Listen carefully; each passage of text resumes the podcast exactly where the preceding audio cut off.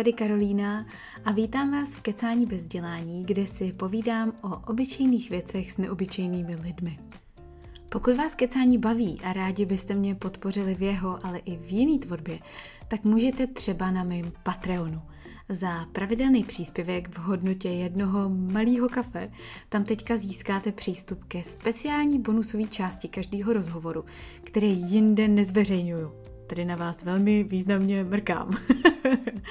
Narazíte tam ale i na další exkluzivní obsah, jako jsou třeba moje novoluní tarotové výklady, pravidelný audio zpravodaj se zákulisníma novinkama a inspirativníma typama a ještě si tím vším vylepšíte karmu.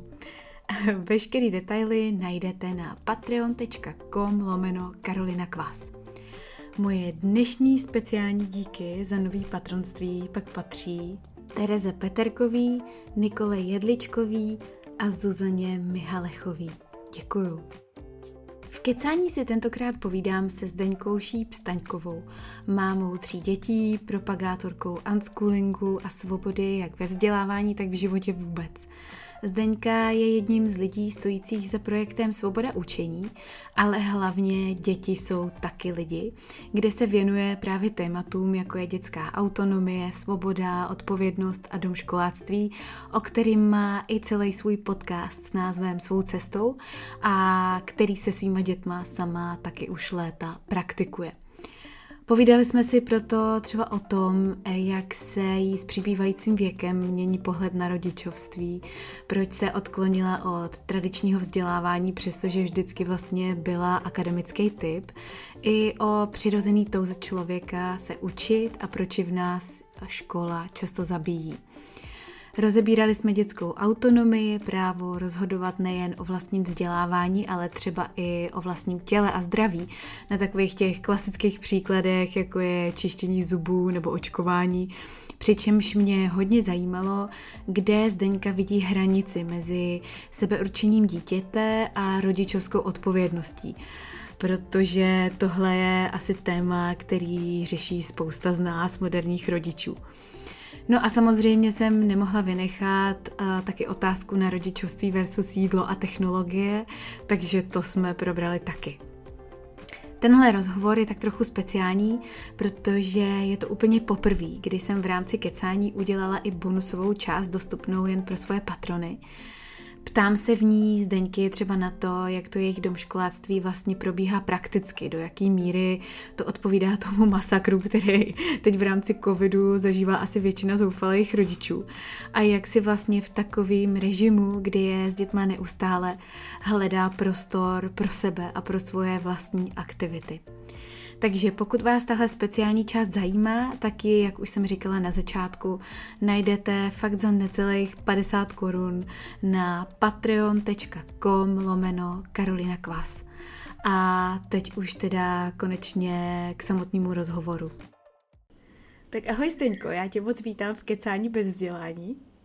Ahoj, ahoj, děkuji za pozvání. A já jsem se tě pozvala jako jednu z dalších duší, která se zabývá jednak domácím vzděláváním a nějakým svobodným vzděláváním a svobodným vychováváním dětí, ale mě hrozně zaujal tvůj projekt Děti jsou taky lidi, který se mi líbí už jenom tím svým názvem hrozně. Tak možná jenom na úplný úvod, eh, kdyby si stručně řekla, v čem vlastně ten projekt spočívá a jak jsi se k němu jako dostala nebo dobrala postupně. Mm-hmm.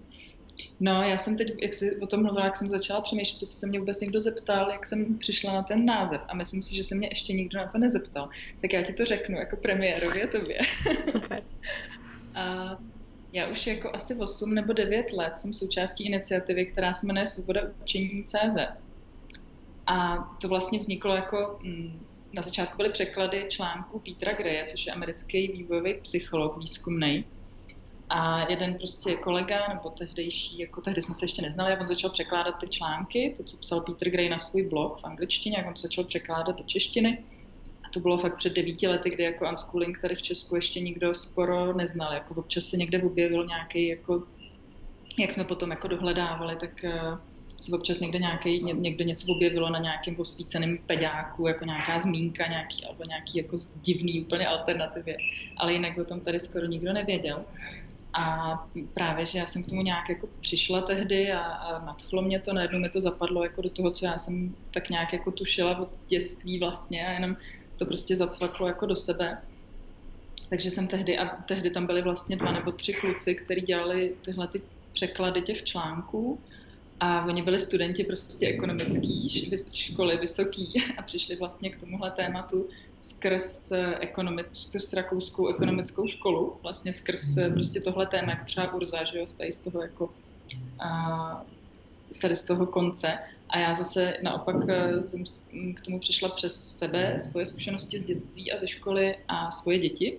Že už jsem v té době měla syna, který chodil někdy třeba do páté třídy na základce, možná i víc a měla jsem dceru malou, tehdy Lucinku, asi tříletou. No a právě, že mě to jako úplně nadchlo, secvaklo mi to, napsala, oni hledali tehdy někoho, kdo jim bude dělat korektury těch textů, tak já jsem jim napsala, takhle jsme se dali dohromady. A postupně ten projekt Svoboda učení přerostl, prostě pak jsme udělali že vlastní web, pak jsme založili prostě občanský združení tehdy, pak jsme začali dělat pobyty se svobodou učení, vydali jsme knížku překladu Petra, eseju Petra Greje, pak se vydalo druhý vydání, pak jsme koupili, dostali jsme dar 5 milionů na barák, aby jsme si tam dělali centrum sebeřízeného učení, pak se to nějak posunulo nějak jako jinak, teď zase prostě už to moc nefunguje, ale jakože ten projekt se rozrostl prostě do vlastně obrovských rozměrů, teď má 20 tisíc fanoušků na Facebooku asi, vlastně díky, uspořádali jsme velkou konferenci v listopadu 2015. Já to říkám hrozně rozvláčně, ale mě to přijde jako důležitý se k tomu jako dobrat. Promiň, když tak nějakou směruji, protože... Úplně v pohodě. Někdy, a pak skončím někde úplně jinde, to já vím, se znám, že to jako dělám. A No a vlastně v tom listopadu 2015 byla ta veliká konference v BioOko, to byla prostě úplně bomba událost, jako taková, připadali jsme si jak hrozní jako pionýři v tomhle směru. A tam vlastně vím, že se sešlo spousta lidí, spousta lidí se jako poznalo díky tomu. Ještě vlastně předtím bylo nějaké taky setkání, takový jako spíš neformální, ale tohle bylo fakt jakože velká akce. A vlastně díky, tej, díky svobodě učení jako vím o tom, že vznikla spousta iniciativ škol, jakoby, který vlastně se snaží jít tou cestou svobody s těma dětma. Takže prostě nás to hrozně jako těšilo, jak eh, se ty lidi nabalují a jak vlastně dělají své vlastní projekty a tak. No a my jsme byli tak jako pět lidí, který vlastně, nebo čtyři, pět různě se měnících lidí, někdo odcházel, přich různí jiní přicházeli, kdo vlastně se věnovali té svobodě učení jako nejvíc a vlastně jsme jako nejvíc do toho prostě šlapali a tak. A právě, že v průběhu toho času se různě lidi jako přidali, pak se odpadli, pak zase někdo jiný jako přišel a tak.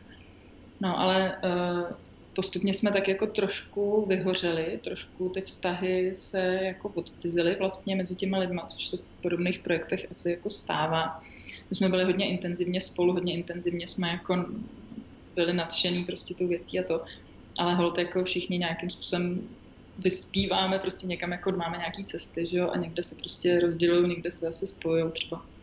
No a mně se narodilo třetí dítě před rokem a půl a vlastně jsem zjistila, že protože jsem psala na svobodu učení taky svoje články, překládala jsem je jako nějaký zahraniční, ale hodně jsem začala psát svoje, což bylo takový, já jsem od dětství jako byla grafoman a hrozně ráda jsem jako psala, měla jsem ráda sloh ve škole, to mě bylo mm-hmm. hodně.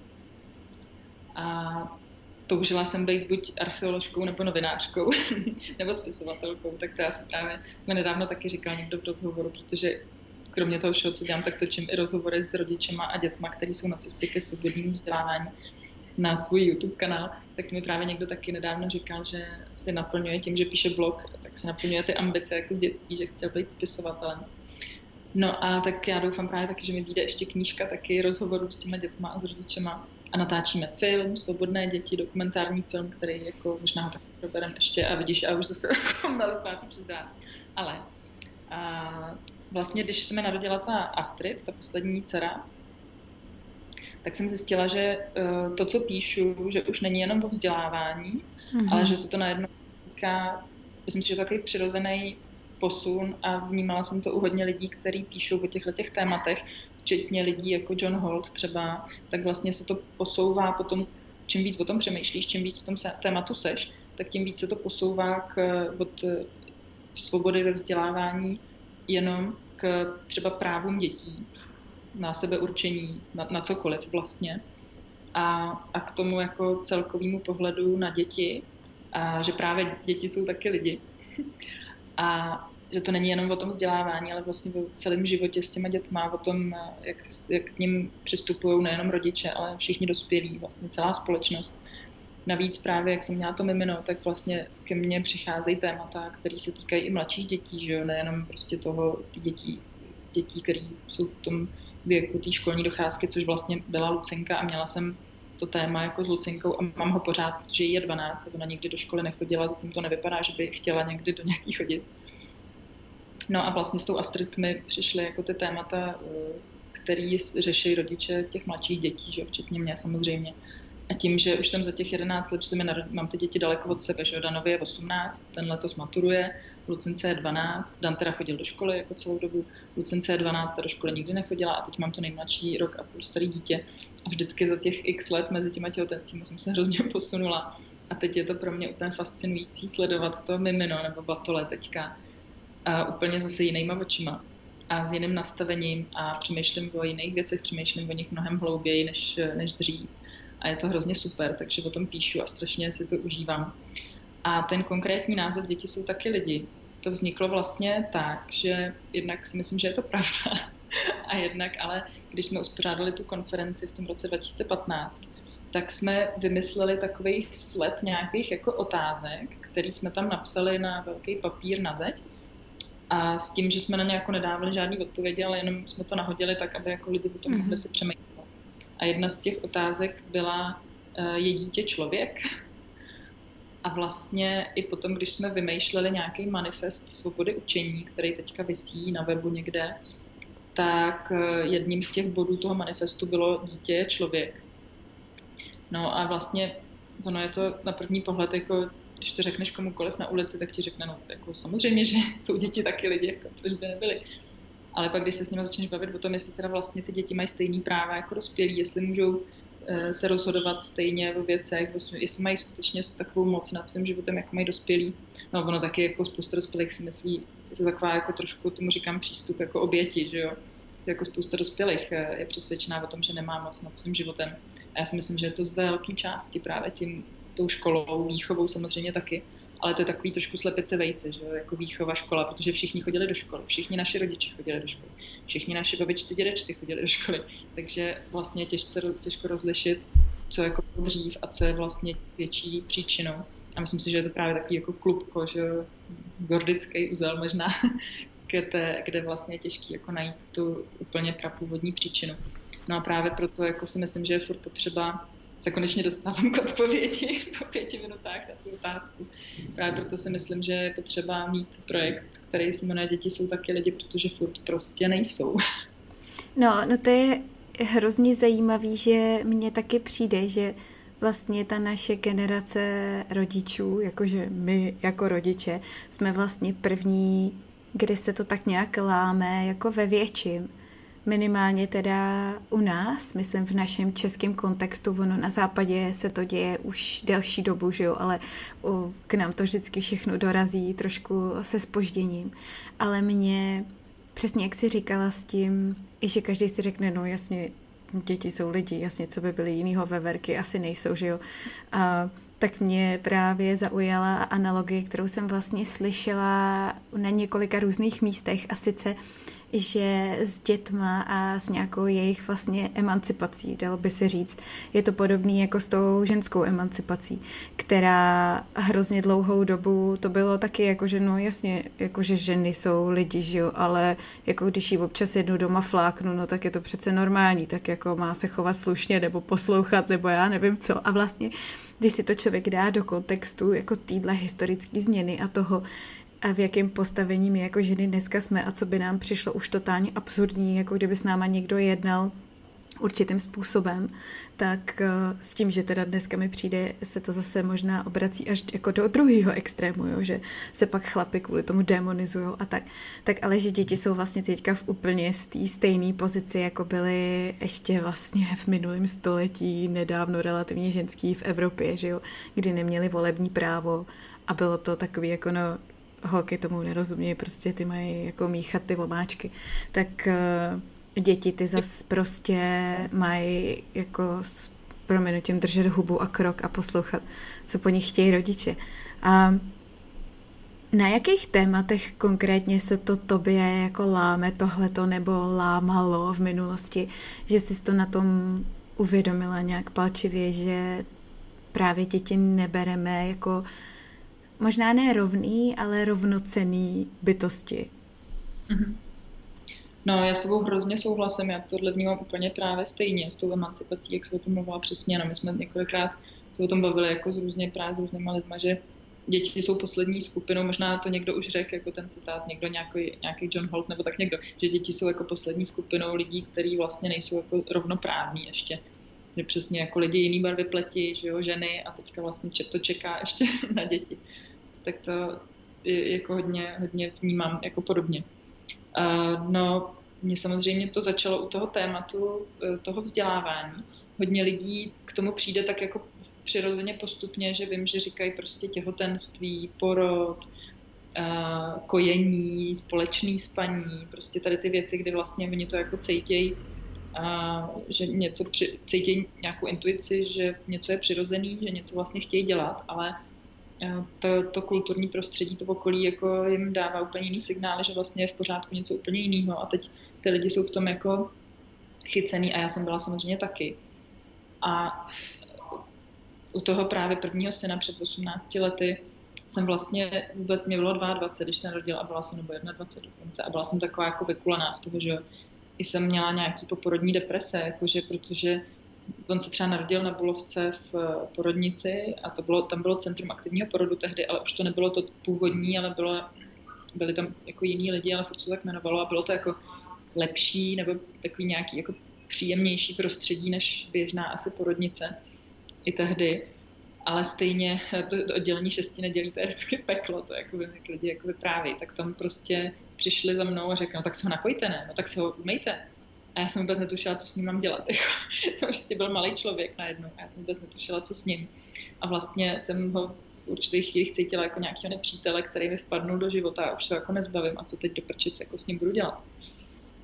No a hrozně vlastně eh, trošku jsem byla v takové jako opozici jako malinko vůči němu a trvalo to jako dlouho, než se mi to prostě, eh, než se jako tohle spravilo nějak ale vlastně uh, tehdy jsem ještě dělala takové ty věci, co prostě se jako dělají, co prostě dělají všichni, babičky, maminky, prostě příbuzní v okolí, tak jsme jeli jako v nějakém prostě musí tohleto, musí tohleto, musí jít do školky, protože pak prostě třeba budeme se jít do té školy, ne třeba, bude muset jít do školy, tak aby se jako zvyknul, že jo.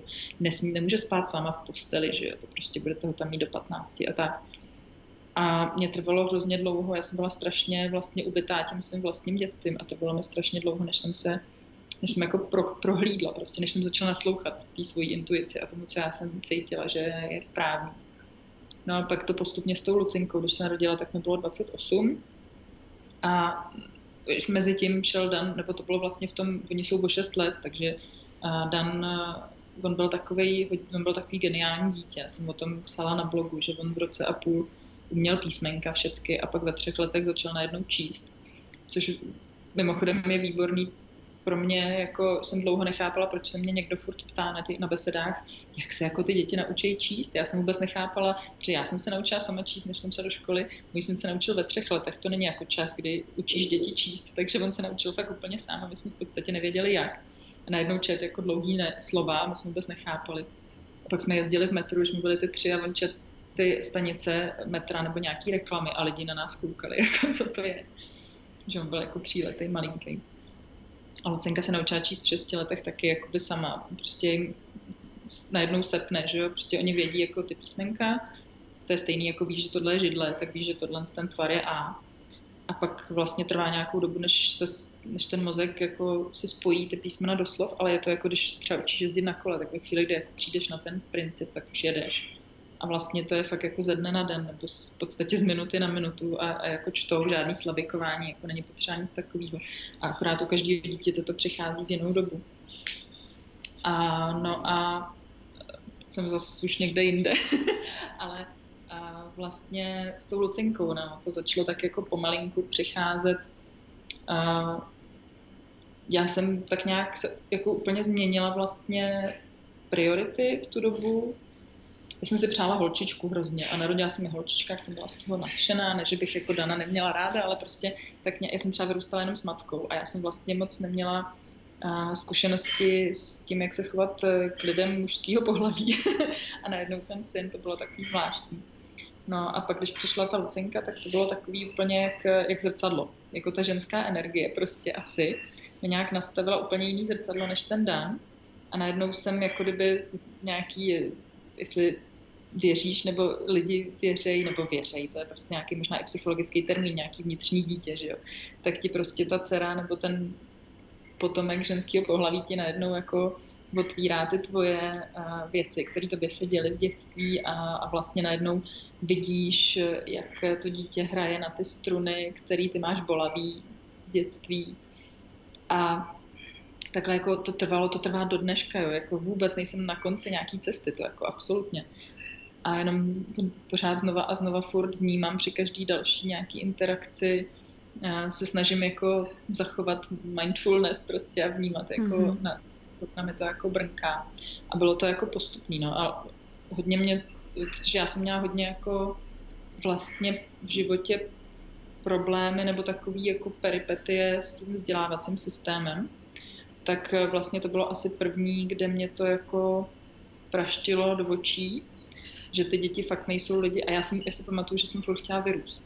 Že prostě jsem furt yeah. si říkala, až mi bude prostě 10, až mi bude 12, až mi bude 15. Furt jsem na něco čekala. Furt jsem čekala na to, až se ke mně začnou ty dospělí chovat s nějakým respektem. Furt jsem si říkala, kdy už mi budou jako vykat. Oni mi furt někdo ti tyká a furt se se mnou baví, jak kdybych byla prostě debil, nebo nějaký méně cený člověk. Když to je pravda, to, to teď, jak to říkáš, tak si uvědomuju, že já jsem to vlastně měla taky a myslím, že jako většina lidí v mém okolí taky. A že naopak minule právě Josefína, který jsou teda čtyři, tak ještě jako ta by ani v tom klasickém systému nebyla svázaná ještě školníma povinnostma a tak jo. Ale právě nějak sama od sebe, už vůbec nevím v jakém kontextu říkala, mámo, já nechci být veliká, já chci být malinká. A já jsem taky přesně se zarazila a říkala jsem si, no jo, ty jo, vidíš. A já vlastně si taky jako od určitý doby vybavuju, že člověk jako dítě i pak přebírá některé chování nebo schválně zkoušíš některé věci, že já nevím, prostě kouřit a já nevím, aby se cítila jako dospělé a, a snažíš se to urychlit, protože přesně se těšíš na tu autonomii a na to, že si budeš moct dát k obědu zmrzlinu a nebude tě nikdo peskovat, že se to nesmí, že jo.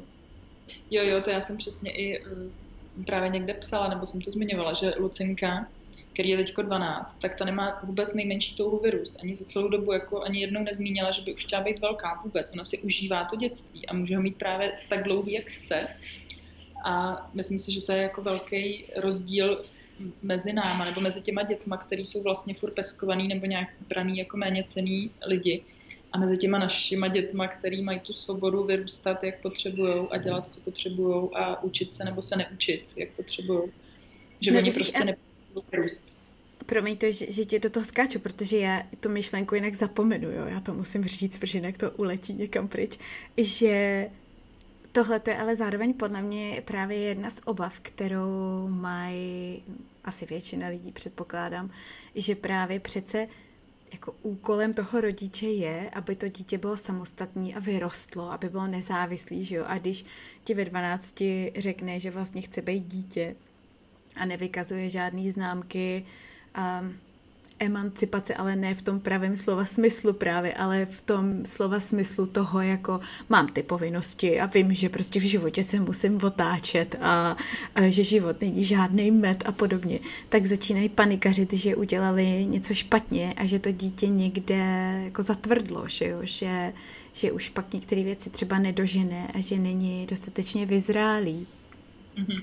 Jo, ono to tak samozřejmě není. To je asi podobný, jako když ti říkají, že prostě, nevím, Astrid má roka půl, že já ji furt kojím v jednom kuse, ona prostě se přijde, podsucá si prsíčka kdekoliv chce, střídá si je pěkně jedno druhý. A furt jí nosíme, že jo, furt taháme. A prostě to je přesně s tím spí s náma v posteli. A ty lidi ti budou prostě říkat, Ježíš Maria, to jí neuč, to bude s tebou spát v posteli prostě do 15 a to jí budeš nosit jako do 20 a to se jí nezbavíš a tak dále. Já myslím, že to je úplně jako totožný princip, vlastně čím díl, že to je naopak vlastně, čím díl to dítě ví, že má bezpečný prostředí u té mámy nebo v rodině, že se tam může vracet a že může jako dělat výpady do toho světa a pak se zase vracet, jako nabít, dobít tu energii a tak dále, tak tím vlastně bezpečněji, tím líp se pak bude jako odpoutávat. U té Lucinky je to tak, že ona, my máme už, nevím jak dlouho, dlouho, prostě 6-7 let, máme takovou, jako říkáme tomu střídavka, že si ty děti střídáme různě v rodinách a ona má jako různý kamarádky, kde prostě 14 dní tamhle, pak je někdo 14 dní u nás a takhle různě se jako navštěvují a, a, a střídají a jsou spolu. A uh, u té Lucinky jsem právě viděla, jak se to kolem desátého roku začalo lámat, že najednou už jako chtěla být víc u těch kámošů než u nás. A že se právě přesně začala jako úplně přirozeně odpojovat. Přestože s náma spala i teď občas s náma spí v posteli prostě a já jsem ráda, protože už nastal ten čas, kdy opravdu už jako moc nechce vlastně, takže když chce, tak já jsem ráda. Ale že to není tak, že by jako eh, teďka ve 12 říkala, já chci být dítě, já nechci vyrůst, ale spíš to má úplně naprosto přirozenou tendenci, ale že to není takový to, že jako čeká, až vyroste, aby mohla teda si dělat, co bude chtít, protože ona si mohla vždycky dělat, co vlastně chce, samozřejmě v součinnosti jako se všema ostatníma jako a při zachování hranic všech zúčastněných. Uh, tak ale mm, jakože nemá tam tu tendenci prostě takovou tu jako už, už ať prostě je mi 15, 18, ať už jako mi přestanete diktovat, co mám dělat. Takže spíš si myslím, že je to jako přirozený proces, eh, když není jako ovlivňovaný, eh, že oni ty ostatní, ty takový ty jakože většinový rodiče, tak oni potřebují, aby ty děti se samostatňovaly vlastně dřív, že jo? protože je to asi hrozně, dovedu si představit, nebo vím, jak je to, protože Dan chodil vlastně celou školní docházku do školy, takže vím, jak je náročný prostě to dítě jakoby furt kontrolovat, jestli má všechno, co do té školy potřebuje, protože pak ty učitelky jebou s proměnutím tebe, nebo rodiče, nebo dítě dostává poznámky a ty to vlastně jako kdyby řešíš jako za něj, takže se snažíš tu zodpovědnost přenést na něj jenomže ono to drhne, protože to dítě ví, že to není vlastně jeho zodpovědnost, ono si to jako nevybralo dobrovolně, že jo. Ví, že je do toho nucený, manipulovaný, a to je jedno, jestli laskavě, anebo pod hrozbou nějakého trestu. A jako tu ve chvíli si vyber, nevybereš tu zodpovědnost sama dobrovolně, tak vlastně máš spíš tendence to jako nějak očurávat, že jo, to víme asi od nás dospělých, prostě když jsme v nějaký práci, která nás štve a nechcem tam vlastně být, tak jako teďka jsem natáčela rozhovor s výbornou 17-letou anskularkou, která nikdy nechodila do školy, jsem před pár dny zveřejnila. A ona eh, tam s maminkou právě říkala hrozně hezkou věc, že eh, cílem těch dětí jako v té normální škole je vlastně nic nedělat. Jako co nejvíc věcem se vlastně vyhnout, protože oni mají z té školy naučený, že učení je pruda, že hmm. uh, vlastně a, a vlastně se snaží to jako očůrat a jakkoliv se tomu hmm. vyhnout a s nějakýma jako povinnostmi nebo samostatňováním se a zodpovědností, hmm. kterou si vybereš, tak je to podle mě to samé. To je pravda, no já třeba um, mě tohleto téma jako vzdělávání svobodného nebo sebeřízeného u dětí fascinuje vlastně zejména proto, že když si člověk uvědomí, že nějaká ani ne schopnost, ale spíš vlastně i touha jako poznávat svět kolem sebe a neustále se něčemu učit, je jedna z vůbec nejpřirozenějších vlastností, který jako lidi máme, možná i jako savci obecně prostě, jo. jo poznáváš prostě prostředí, ve kterém žiješ a, a člověk má teda ještě tu výhodu, že si může klást různé otázky, nevím, zvířata možná taky, ale to si těžko dozvíme, jo. A, a to je a to je právě krásný, jako jít do té podstaty věci a tak. A já jsem třeba přesně člověk, který měl teda to štěstí, že byl vždycky docela jako akademický typ. A že mě to bavilo, to učení. Ale i tak právě, já si vzpomínám, jak třeba první dvě třídy jsem chodila do školy ráda a fakt jsem se jako těšila i po těch prázdninách vždycky zpátky do školy.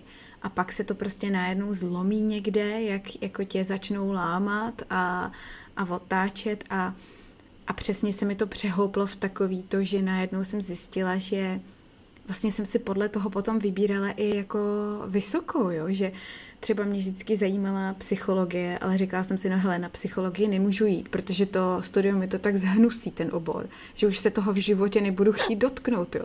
Protože prostě mě jako zajímá práce s lidma, to, co se jim odehrává v hlavě a, a v duši a proč a nezajímá mě nějaká historie prostě psychologie a kde co jaké myslitel kdy vymyslel, respektive jasně zajímá mě to taky, ale to si můžu prostě načíst sama v knížkách a nepotřebuju na to hodiny odsedět někde v aule a psát na to přiblblý testy a totálně se sprudit těma těma kravinama prostě, který ve výsledku jsou mi stejně absolutně k ničemu, protože já prostě nějak jako cítím, jak bych ty věci chtěla dělat, tak po té cestě půjdu, akorát, že tam ti to nikdo neumožní, no takže jako co vlastně nakonec z toho, jo. A tohle to je třeba a právě hodně palčivý pro mě, když jako přemýšlím právě i nad vzděláváním Josefíny s tím, že teda pořád mám tam i alternativu, nebo takhle. Já furt počítám s tím, že se hlavně zeptám jí, co ona prostě bude chtít, až jako nastane čas, protože třeba tady v Austrálii se děti normálně můžou začít chodit na základku už od čtyř let. Vlastně, mm-hmm. jo, protože tam záleží, jako kdy ses narodil, ale prostě když ses narodil jako v určitý čas v roce, tak to vychází, že můžeš jít vlastně do první třídy už třeba ve čtyřech a půl letech, jo. A, a ten, ta tradice britská je, že ten důraz na ty akademické schopnosti je vlastně už od fakt ještě útlejšího věku než u nás, jo. A mně to přijde úplně strašidelný. Já prostě chci, aby si přesně jako hrála co nejdíl to půjde, že jo, a ne, aby jí někdo jako tvaroval zas do něčeho a právě jí sprudil ve všem, k čemu má třeba i přirozeně sama tendenci, nebo um, to bude dělat ráda, jo. No mě právě přesně mám podobnou zkušenost jako s těma vejškama. Mě ta základka jako totálně jako sprudila v mnoha věcech, jako zošklivila mi vlastně úplně všechno, přestože jsem přesně jak říkáš, já jsem byla takový to chytrý dítě jako na prvním stupni, prostě samý jedničky. Mm. Uh, moje matka pak jako furt mi říká, teď jsi byla, co se s tebou stalo, teď ty jsi byla taková chytrá holčička. a mě to právě, eh, ale to jsem měla fakt jako asi smůlu na učitele, to byly mm. opravdu jako frustráti, který se jako hodně, hodně vybíjeli uh, ty svoje uh, neštěstí vlastní životní na nás, dětech byly opravdu hodně oškliví na nás. Měla jsem jednu jedinou učitelku, kterou jsem měla ráda, to jsem měla na češtinu a na dějepis, což byly taky předměty, které jsem měla vždycky nejradši. Ale vlastně jako právě nějaký prostě větní rozbory a prostě tyhle věci, jako mě to úplně totálně prostě znechutilo. Jakoby já jsem ráda psala, měla jsem výborný sloh, vždycky jsem prostě byla v literatuře jako fakt jako dobrá, bavilo mě to číst, Prostě já jsem v životě neměla vyjmenovaný slova na spaměť, ale protože jsem hodně četla, tak jsem prostě nějak věděla, jak se kde co píše. Protože jsem kolikrát nevěděla vůbec odůvodnění, proč někde píšu mono E, nebo proč někde píšu tvrdý měkký, ale to jsem věděla, že tak je a to jsou přesně ty věci, kdy jako sice něco víš, že to je jakoby správně, ale když to nedokážeš odůvodnit, tak dostaneš prostě obou známku. A, a vlastně ten systém školní mě tak jako na druhém stupni jsem začala už tak jako rebelovat, protože jsem se tak nějak vybudovala v té strategie spíš, a, že jsem se jako spíš zasekávala a, a tím jsem se bránila jako tomu tlaku zvenčí. Tak pak jsem začala tak jako že rebelovat právě. No a pak jsem právě měla hrozný peripetie s tím, že já jsem šla z 8, já jsem byla, jsem ročník 80 narozená. A oni byli, uh, bylo 8 let povinný školní docházky a pak se najednou udělalo 9. Nebo nějak tak to bylo prostě zrovna v době, kdy já jsem jako končila základku. Já jsem z 8. třídy nastoupila na nějaký gimpl, kde se stala taková, co chodila asi měsíc nebo dva, a měli jsme takovou mladou zeměpisářku, a stala se taková jako věc, že my jsme seděli vzadu, jsem tam seděla s nějakýma pěti volkama a oni, a teď jsme se tam jako povídali a ta zeměpisářka prostě nějak měla asi špatný den a seřvala nás, že si povídáme a řekla, ať si jdu sednout do první lavice. Tak já jsem si vzala věci a šla jsem teda si sednout do první lavice a jak jsem si sedala, tak jsem položila sešit na lavici a on tak jako pláš, plesknul, udělal prostě zvuk. A ona úplně dostala hysterický záchvat, začala křičet, že jako co tam dovoluju mlátit sešitem. A já jsem fakt tu chvíli cítila jako obrovskou nespravedlnost, protože jsem s ním ani nepráskla, jo? že to nebylo jako fakt schválně, ale prostě jsem ho položila a on jako plácnul. Takže jsem jako úplně zírala na ní jako vytržení. A ona strašně řvala, vyhodila mě za dveře a pak jsem za tohle dostala nějakou, já nevím, jestli ředitelskou dudku nebo něco takového. A Já jsem vůbec nechápala a říkala jsem si, tak hele, to už stačí. Jako. V tu chvíli se mě něco zlomilo a já jsem řekla, že prostě končím. A přestala jsem chodit jakoby za školu, prostě přestala jsem tam chodit na ten Gimple. A když se to nějak provalilo, tak eh, nastal problém, protože, nebo nejdřív ještě moje matka se snažila mě nadspat do nějakých dalších škol, ale já jsem prostě byla už totálně zlomená a vlastně jsem jako, prostě jsem neměla vůbec motivaci, ten, jako nechtěla jsem prostě, jsem, prostě jsem to nějak bránila. No a nastal problém, protože já jsem tím, že se ten rok změnila ta povinná školní docházka na 9 let, tak já jsem najednou neměla dokončenou povinnou školní docházku. Takže následovala asi dvouletá anabáze uh, mojí matky, jako sna, kdy se snažila mě nadspat někam, abych měla aspoň dokončenou povinnou školní docházku, protože přece jsem ta chytrá holčička. Přece nejseš debil, jako abys neměla dokončenou povinnou základku. A já jsem si připadala jako totální loser, totální debil, prostě úplně blbá, neschopná hmm. čehokoliv, to prostě totálně zlomený jako člověk. Pak jsem z toho dostala nějakou, ten organismus asi už to nevydržel, dostala jsem mononukleózu, zhubla jsem na 36 kg a ztratila jsem menstruaci, prostě byla jsem skoro na umření, jako. A vlastně to trvalo jako dva roky, kdy pak eh, nějak jsem po různých právě peripetích v nějaký škole eh, dokončila ten povinný devátý teda ročník.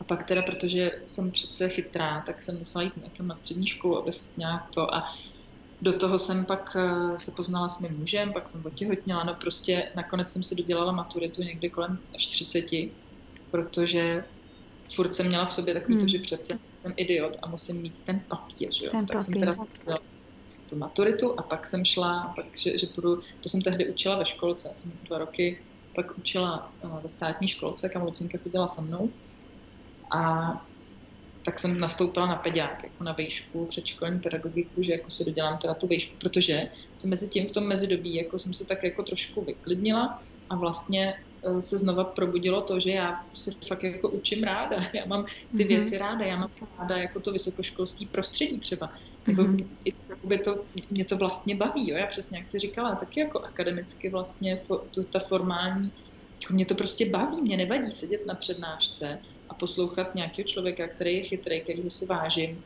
který mě zajímá, zajímá mě to, co říká, tak mě to prostě baví. Ale přesně, jako pak, pak oni tě otestujou, aby ti ukázali, že vlastně jsi blbá, že jako některé věci nevíš, že jo. Vůbec nejde o to, co víš, ono jde o to, co nevíš, jo. No a takže jsem pak jako uh, vlastně mě lákala ta výška, jo. Furt mě lákají prostě tyhle ty věci. Ráda koukám na přednášky, mm-hmm. prostě mě zajímají ale nepotřebuju už k tomu ty testy a ty papíry. Ale tehdy jsem ještě si myslela, že potřebuju, nebo že to bude jako dobrý a že vlastně i mi to jako profesně jako pomůže, tak jsem začala chodit na peďák, jenomže by mi bylo už přes 30 a ne, nebyla jsem schopná jako opakovat už ty věci, mm. které oni mi říkali. A už jsem mm. měla nějaký vytvořený názor, prostě to už byla doba, kdy už jsem koketovala, nebo kdy už jsem byla součástí svobody učení, jo, takže už jsem prostě neměla vůbec jako eh, prostě to nešlo, jo, jako. To jsi byla anarchista v, rád, v rámci no, peďáku. tam jako říkali věci, které mi nedávaly smysl a já jsem jim tam vyprávěla o svobodě učení a o svobodných školách a o unschoolingu a mě tak na mě soucitně koukali, jako co to prostě si vymýšlím. Hmm. No a takže to jsem jako vzdala po roce a pak jsem ještě zkusila fakultu humanitních studií, kde mě při, to, to, tam jsou fakt zajímavé věci, jo. to mě přišlo, že mě bude bavit. A že to, to mám vystudovaný já jako bakaláře. No, vidíš to. Takže tam se mi jako líbilo vlastně, uh, ale právě, jo, mě, jako pak jsem zjistila, že ty věci si můžu prostě nastudovat sama, že si hmm. to můžu jako kdekoliv najít na internetu. Přečíst si ty učebnice si můžu taky, jo. Přesně psychologie, jsem takovouhle tlustou učebnici psychologie vážila asi 7 kilo, asi si možná pamatuješ, hmm. že jste měli možná stejnou. Takže to všechno jsem jako hltala, ale vlastně se mi nedávalo vůbec smysl pak jít na nějaký zkoušky nebo někomu dokazovat, že to jako umím takže jsem se pak na to vyprdla taky. No. Ale vlastně to, tohle jako vyčítám té škole dost, že mě na hrozně dlouhou dobu, mě je dneska 40, jo, a že mě na hrozně dlouhou dobu jako znechutila ty věci, mm. který, eh, který jsem měla ráda. A ještě ta obrovská ztráta času, kdy, mm-hmm. kdy to, je, to je strašný, to je fakt yeah. strašný. Nedávno mi, když jsem natáčeli jsme do filmu uh, s jednou kamarádkou mojí, která má děti taky na domácím vzdělávání. A ona mi vyprávěla o nějaké svojí kamarádce, uh, který umřelo dítě v deseti letech. A ona si říkala, tahle ta kamarádka, že jako přemýšlela o tom, co, jaký život jako ty rodiče s tím dítětem vedli. Kdyby věděli, že mají s tím dítětem jenom 10 let, v něho připravovali, protože dítě chodilo do školy, připravovali ho na život, který prostě nepřišel a nikdy nepřijde. A to dítě prostě trávilo, nevím, 70% všedního dne eh, ve škole, místo, aby bylo s rodičema, aby si nějak jako s ním užili ten čas. A tohle jsou chvíle, kdy si jako říkám, to, že, že, že fakt jako, jako proč pro vás?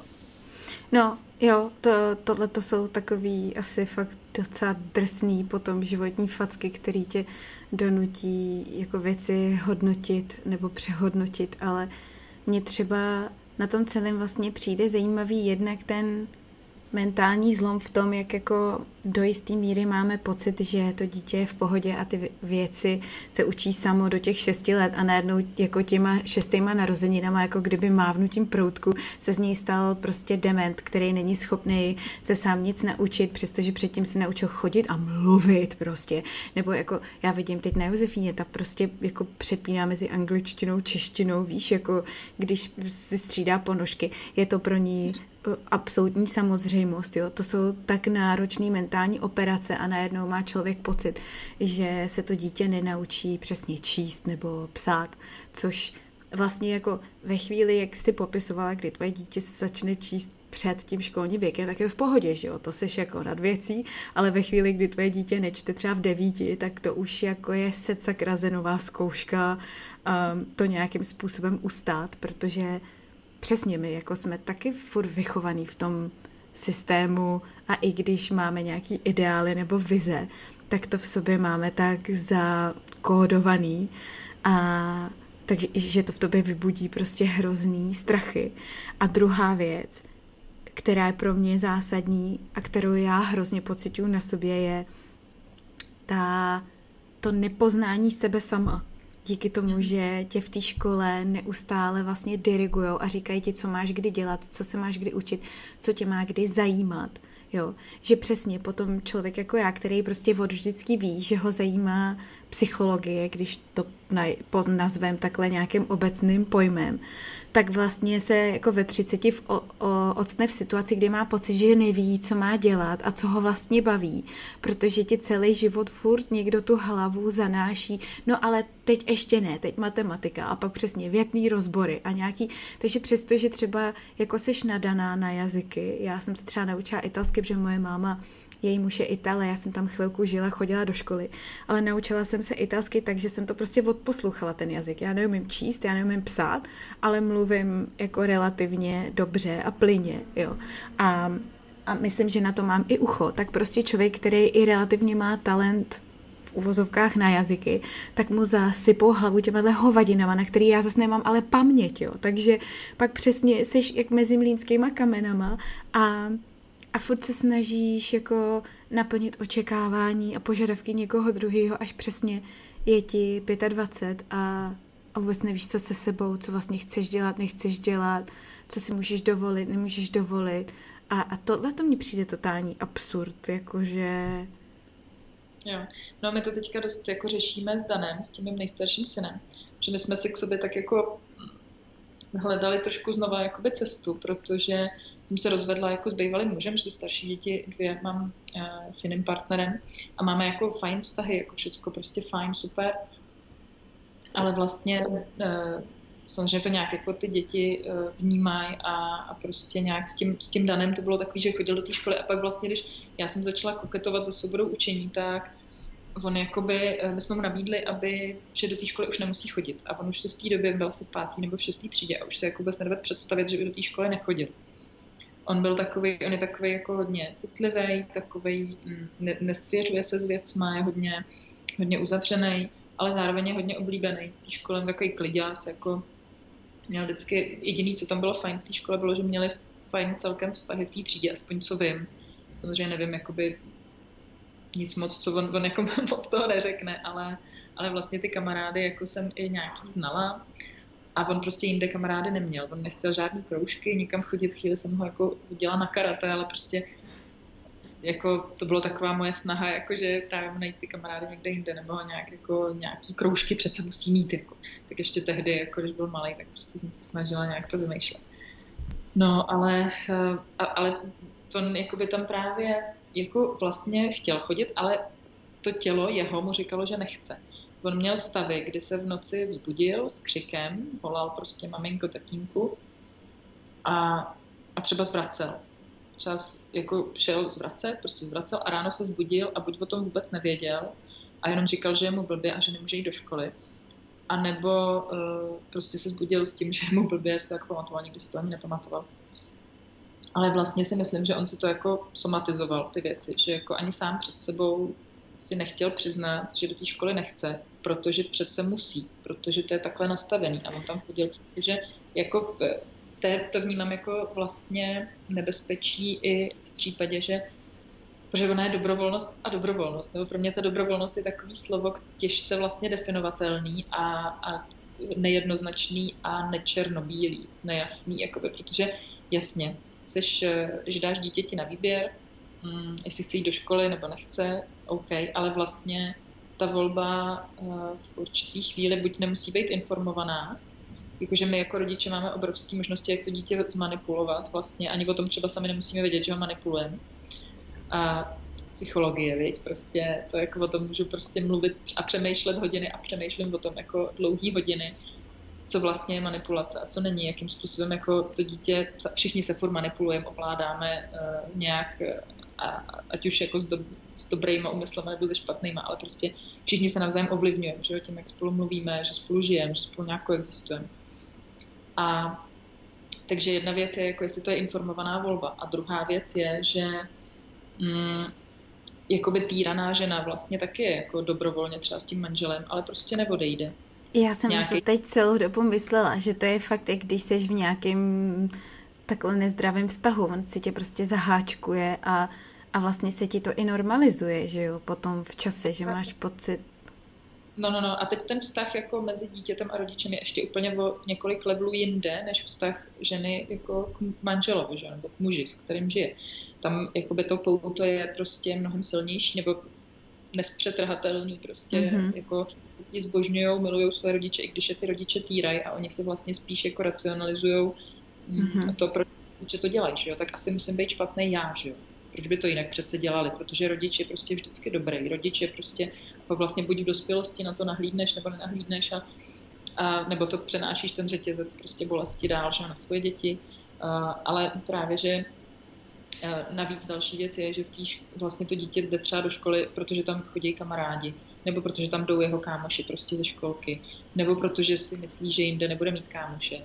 Uh, nebo co ty rodiče řeknou, tak ona, tak zkusíme tu první třídu a když, když tak ho vezmeme pryč. Jenomže on už pak nemusí chtít pryč, už jako může být zmanipulovaný tou školou. Jako.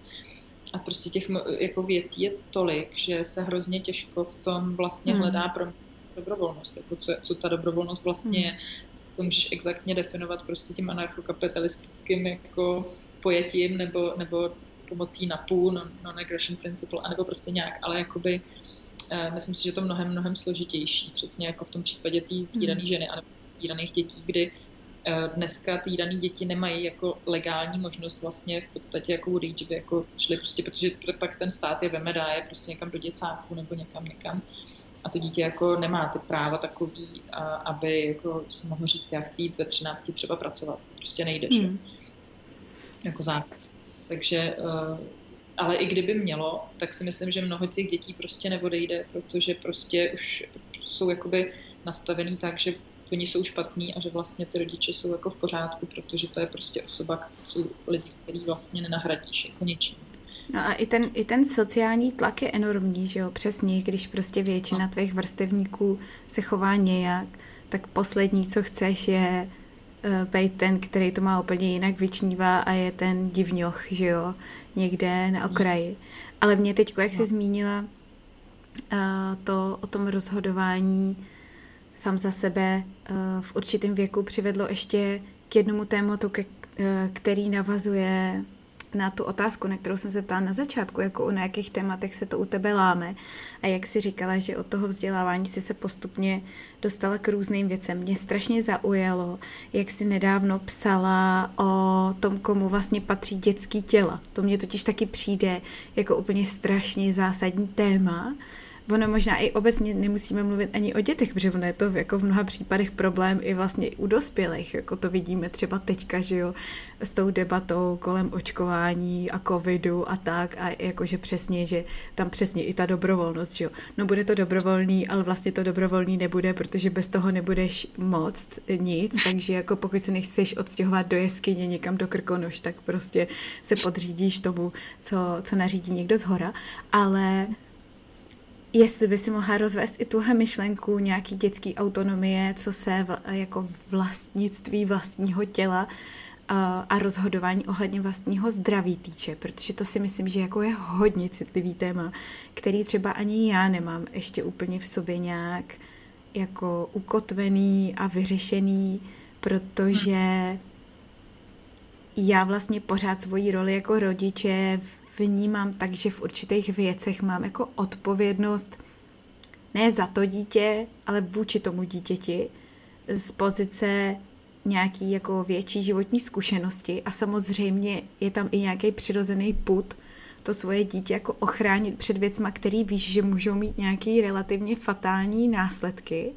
A teď přesně, kde je ta hranice mezi tím, jako dopřát mu autonomii a nechat ho třeba i pocítit důsledky toho, že si třeba nebude čistit zuby, jo, nikdy prostě. Hmm. A pak ty svý vlastní obavy a pocitu odpovědnosti, že já ale z pozice rodiče přece jako musím předejít tomu, aby si to dítě nějak zásadně neublížilo nebo neonemocnilo nebo nemělo nějaký doživotní důsledky něčeho, čemu se dalo relativně snadno předejít. Jo. Já myslím, že tohle má hrozně moc rovin. Že vlast, a že to není vůbec černobílý, že to není jako buď a nebo. Že to není buď ho donutím, anebo uh, umře někde v příkopu. A, a já jsem právě, já jsem psala o tom nejdřív, kdy si už před nějakou dobou v souvislosti s dredama a s náušnicema si vzpomínám, že nějaká maminka, že někde na Instagramu v Americe nebo já nevím, kde na Havaji žijou nějaký surfaři a že prostě nechala dítěti dredy a teď se na ní snesla prostě kritika a to byly jenom dredy, jo, to jsou věci, které jdou ustříhnout, že No a já jsem vlastně v té souvislosti, mě napadlo to, jak prostě v osmi měsících nebo v půl roce chodí hromadně prostě čeští rodičové s holčičkami nechat píchat náušnice. I já jsem Lucince nechala píchnout náušnice. A já v tom rozhodně nemám, jak si říkala, že to nemáš jako ukotvený, nebo že to ne, já jako rozhodně taky ne. Já si myslím, že to je uh, na každý, že to prostě je tak právě, že to má tolik rovin a je to tak mnoho vrstevnatý vlastně a, a složitý téma, že to je na každém, jako kde si ty hranice právě najde a co je pro něj jako morální, co on si sám před sebou jako omluví jako morální, anebo omluví, nebo prostě co vyhodnotí, jako že je fajn a etický a co ne. A uh, jak jsem říkala, že to jako není buď a nebo, že, že to neznamená, že když nedonutím, když nestoupnu dítě na krk a nedonutím ho se vyčistit, tak to neznamená, že prostě mu všechny vypadají a tak dále to jsou, to myslím, že je taky takový jako v nás eh, přemýšlení černobílý prostě z té školy, že jo, to hodnocení prostě je něco dobře a je něco špatně. Buď se to udělá takhle, nebo se to udělá takhle, dostaneš za to jedničku, dvojku, trojku, čtyřku, pět. A uh, vlastně um, já se snažím vždycky v těch věcech um, to neznamená, že když uh, nedonutím to dítě, tak takže mu jakoby, že se s ním nebavím, že jo. prostě se spolu bavíme, normálně jako komunikujeme a, a je to jenom o tom, že já to dítě beru jako partnera a ne jako někoho, kdo je blbej, nebo uh, samozřejmě, že mám mít zkušenosti. Tak mu ty zkušenosti jako říkám, jaký mám já zkušenosti. A stejně tak se mu snažím zprostředkovat, jaký má zkušenosti třeba někdo jiný. A tatínek má zase jiné zkušenosti, babičky mají zase jiné zkušenosti a teď se bavíme o tom, proč vlastně ty zkušenosti třeba nabyly, nebo z jakého důvodu jako si myslejí tohle, asi zřejmě. A jako když ale to konečné rozhodnutí pro mě jako je vždycky na tom dítěti. A pak jsou samozřejmě situace, jako třeba to očkování, mm, kdy to dítě jako nemá vlastně možnost se rozhodnout. A ty na sebe musíš vzít tu zodpovědnost, aby si se rozhodla buď tak, anebo tak. Prostě buď na sebe vezmeš riziko toho, že ho nenavočkuješ, anebo na sebe vezmeš riziko toho, že ho navočkuješ. A je to vlastně, já jenom jediný, co já vlastně dělám, je to, že nejdu a a nedělám slepě to, co mi někdo jako říká, nebo diktuje, nebo přikazuje. To, že tady máme nějaký povinný očkování, jako rozhodně není pro mě důvodem k tomu důvěřovat eh, tomu, že to je v pořádku, že to prostě bude v pořádku. Jako starší obě děti jsou navočkovaný, protože mě nenapadlo tehdy o tom přemýšlet. Dneska už o tom přemýšlím jinak. Ještě nevím, jsem si uh, porodila to poslední dítě s člověkem, který je, se narodil už jako vědec a on prostě je schopný trávit eh, celý noci studováním nějakých studií prostě na, v angličtině někde na nějakých eh, vědeckých prostě serverech a tak. A což je jako super, protože spoustu věcí já nemusím studovat a prostě nějak jako důvěřu. A pokud jde třeba zrovna o to očkování, tak eh, podstatě nemůžeš, jako neexistuje eh, relevantní informace, prostě nena, ne, nenajdeš. Jako. Takže se můžeš spolehnout jenom na své nějaké přemýšlení, rešerše, na zvažování rizik a přínosů. A já vlastně jediný, co chci, je roz, jako rozhodovat se o tom informovaně sama, o tom, co nechám píchnout do těla svého dítěte nebo ne. A v tuhle chvíli samozřejmě je to jako na mě. A na základě toho, co vím, tak prostě jsme se rozhodli třeba do dvou let Astrid jako neočkovat ničím, protože do dvou let se vyvíjí nespecifická imunita. Nějak jako jsme prostě řešili, jak to funguje na buněční úrovni, jak to funguje jako celkově a tak dále. Pak jsou tady nějaký rizika té nemoci, pak jsou tady nějaký rizika toho očkování, eh, je nějaká pravděpodobnost, že tu nemoc proděláš, eh, co se stane, že jo. Teď prostě v souvislosti s covidem se to ještě mnohem víc jako řeší, takže vlastně se to jako zkoumá, jak ty věci fungují. Je rozdíl, jestli třeba tu nemoc proděláš, nebo jestli dostaneš to očkování, že jo, ty očkování taky nějak, za nějakou dobu třeba vyprchají a tak dále, no, ale to bychom se mohli bavit jako hodiny prostě o očkování, že jo, o tom tématu, ale vlastně mm, pro mě je to jako o tom nedělat eh, slepě to, co mi někdo jako řekne, mm-hmm. že nějak, a jo, pokud je to nějaký odborník, kterýho si nějakým způsobem vážím, který eh, vyhodnotím, že eh, to, co říká, dává smysl, tak vezmu jeho názor v úvahu, samozřejmě, ale zase to rozhodnutí si myslím, že by mělo být ideálně na dítěti, ale pokud to dítě třeba zrovna není schopný rozhodovat, tak, eh, tak asi na rodiči, jako na kom jiném. Že? Hmm. Mě právě napadlo minule, protože u nás téma čištění zubů věčně uh, na stole a já právě mám tendence do toho jít tím prostě zažitým stylem té manipulace, jakože no, tak prostě, když si nečistíš zuby, tak jeho budeš mít skažený, no, tak prostě, tak si je nečistí, no. A přesně, je to takový to jako, dáváš jí na výběr, ale vlastně nedáváš, že jo, protože jí jako říkáš implicitně, že když to neudělá po tvým, tak to bude mít nějaký nepříjemný následky. A já jsem si vlastně minule uvědomila, že já to ale vlastně nevím, že jako já třeba, já mám geneticky po rodičích blbý zuby, respektive měla jsem mléčný, všechny skažený. A to jsem si čistila zuby fakt poctivě perfektně, takže já vlastně ji nemůžu zaručit, že když si bude čistit ty zuby dvakrát denně, přesně kdy já řeknu, takže nebude mít žádný kas a ve chvíli, kdy se jí náhodou nějaký kas objeví, tak to vlastně bude jako šílená zrada, že jo?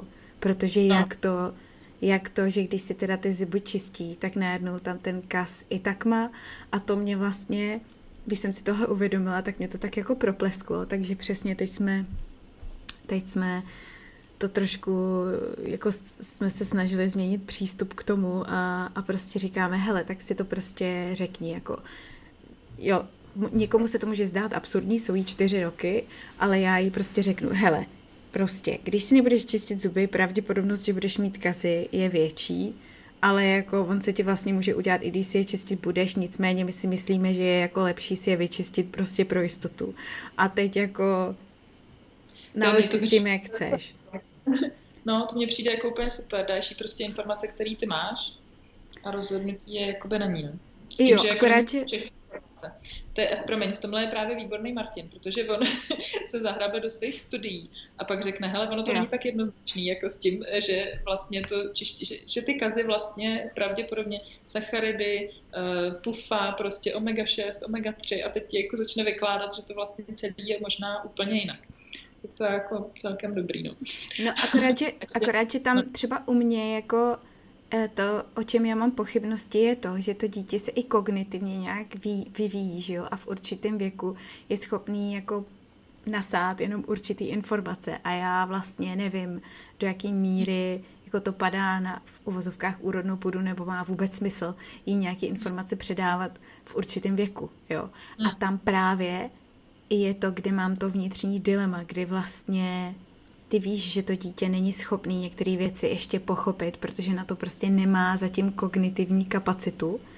A tím pádem právě jako jestli není tvoje odpovědnost to rozhodnutí prostě hod udělat za něj, byť by to mělo být jako třeba na sílu, jo, protože ve chvíli, kdy prostě pak jí bude 17 a bude mít vypadaný zuby třeba, jo, a, a já nevím co, teď to schválně jako tady uh, dramatizuju, tak a ty jí řekneš, no, já jsem, ti, já jsem ti ve třech letech dala na výběr, jestli si chceš čistit zuby a ty se prostě rozhodla, že ne, no, tak mě pošle k šípku, že jo.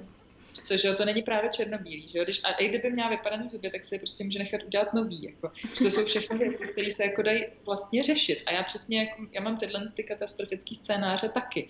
A od toho mám toho Martina, který, mi, jako, který mě právě hrozně uklidňuje vždycky dobře a on je jako, jako pohodář a je to vlastně super, že, že ho mám, protože on mě vyvažuje v tomhle tom ale já hodně řeším tyhle ty věci, o kterých se teď mluvila s Astrid, protože jí je rok a půl, že jo a ona samozřejmě spoustu věcí, jako já, já jí vysvětlu, já jí jako, my s ní mluvíme vlastně, jako kdyby byla mnohem starší, protože si nemyslím, že je blbá, ale akorát prostě jakoby mm, regulace emocí a prostě přesně ten kognitivní vývoj je někde jako jinde.